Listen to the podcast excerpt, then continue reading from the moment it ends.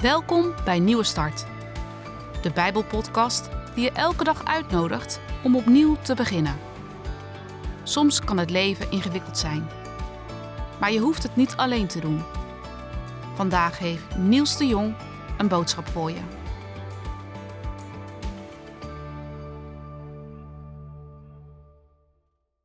Ik merk dat mijn gedachten zomaar kunnen teruggaan naar dingen van vroeger.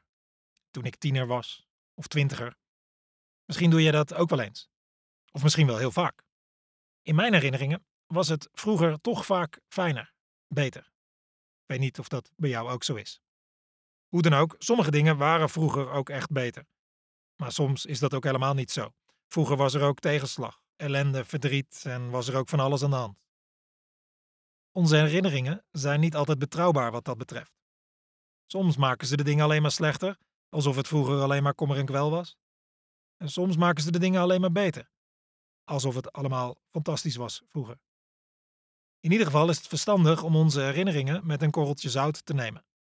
Want onze herinneringen kunnen ook met ons op de loop gaan. Dat blijkt bijvoorbeeld bij de Israëlieten in het Bijbelboek Numeri. De Israëlieten komen uit de slavernij van Egypte en ze zijn op weg naar het beloofde land. En dat is voor hen een hele reis. En die reis kent veel moeilijkheden en obstakels. En die Israëlieten reageren daar lang niet altijd goed op. Als er dan onderweg weer eens tegenslag is, of er doemt een probleem op, beginnen ze steeds weer te klagen. Soms is het maar iets kleins, bijvoorbeeld die keer dat ze het eten dat ze kregen zat waren.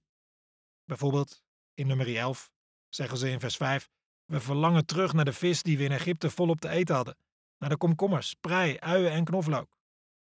Natuurlijk onzin allemaal, want Egypte was vreselijk. Ze waren daar slaven. Ze werden uitgebuit, met geweld behandeld.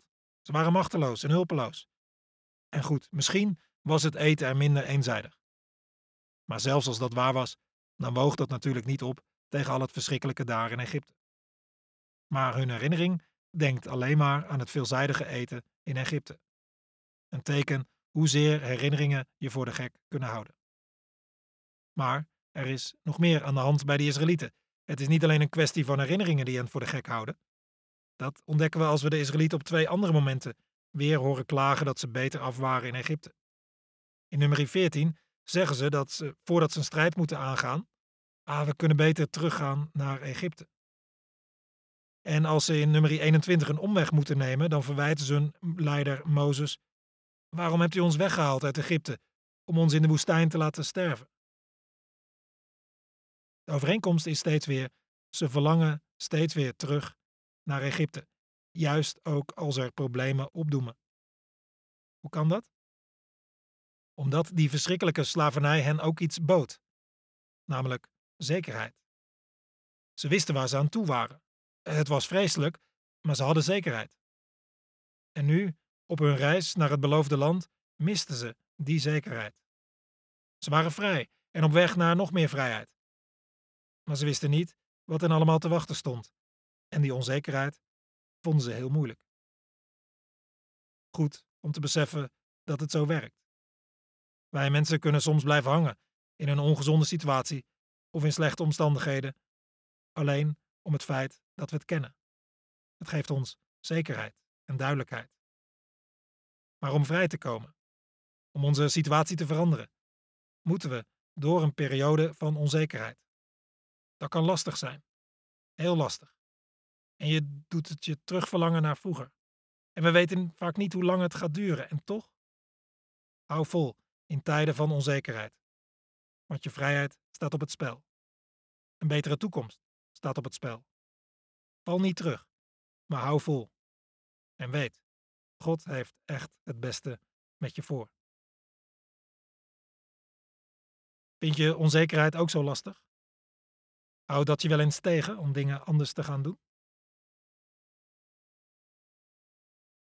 Laten we bidden.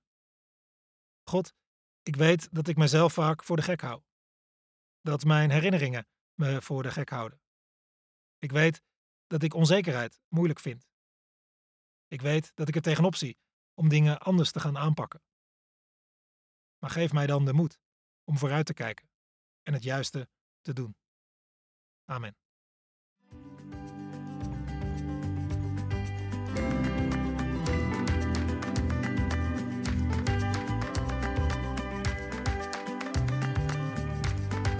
Bye.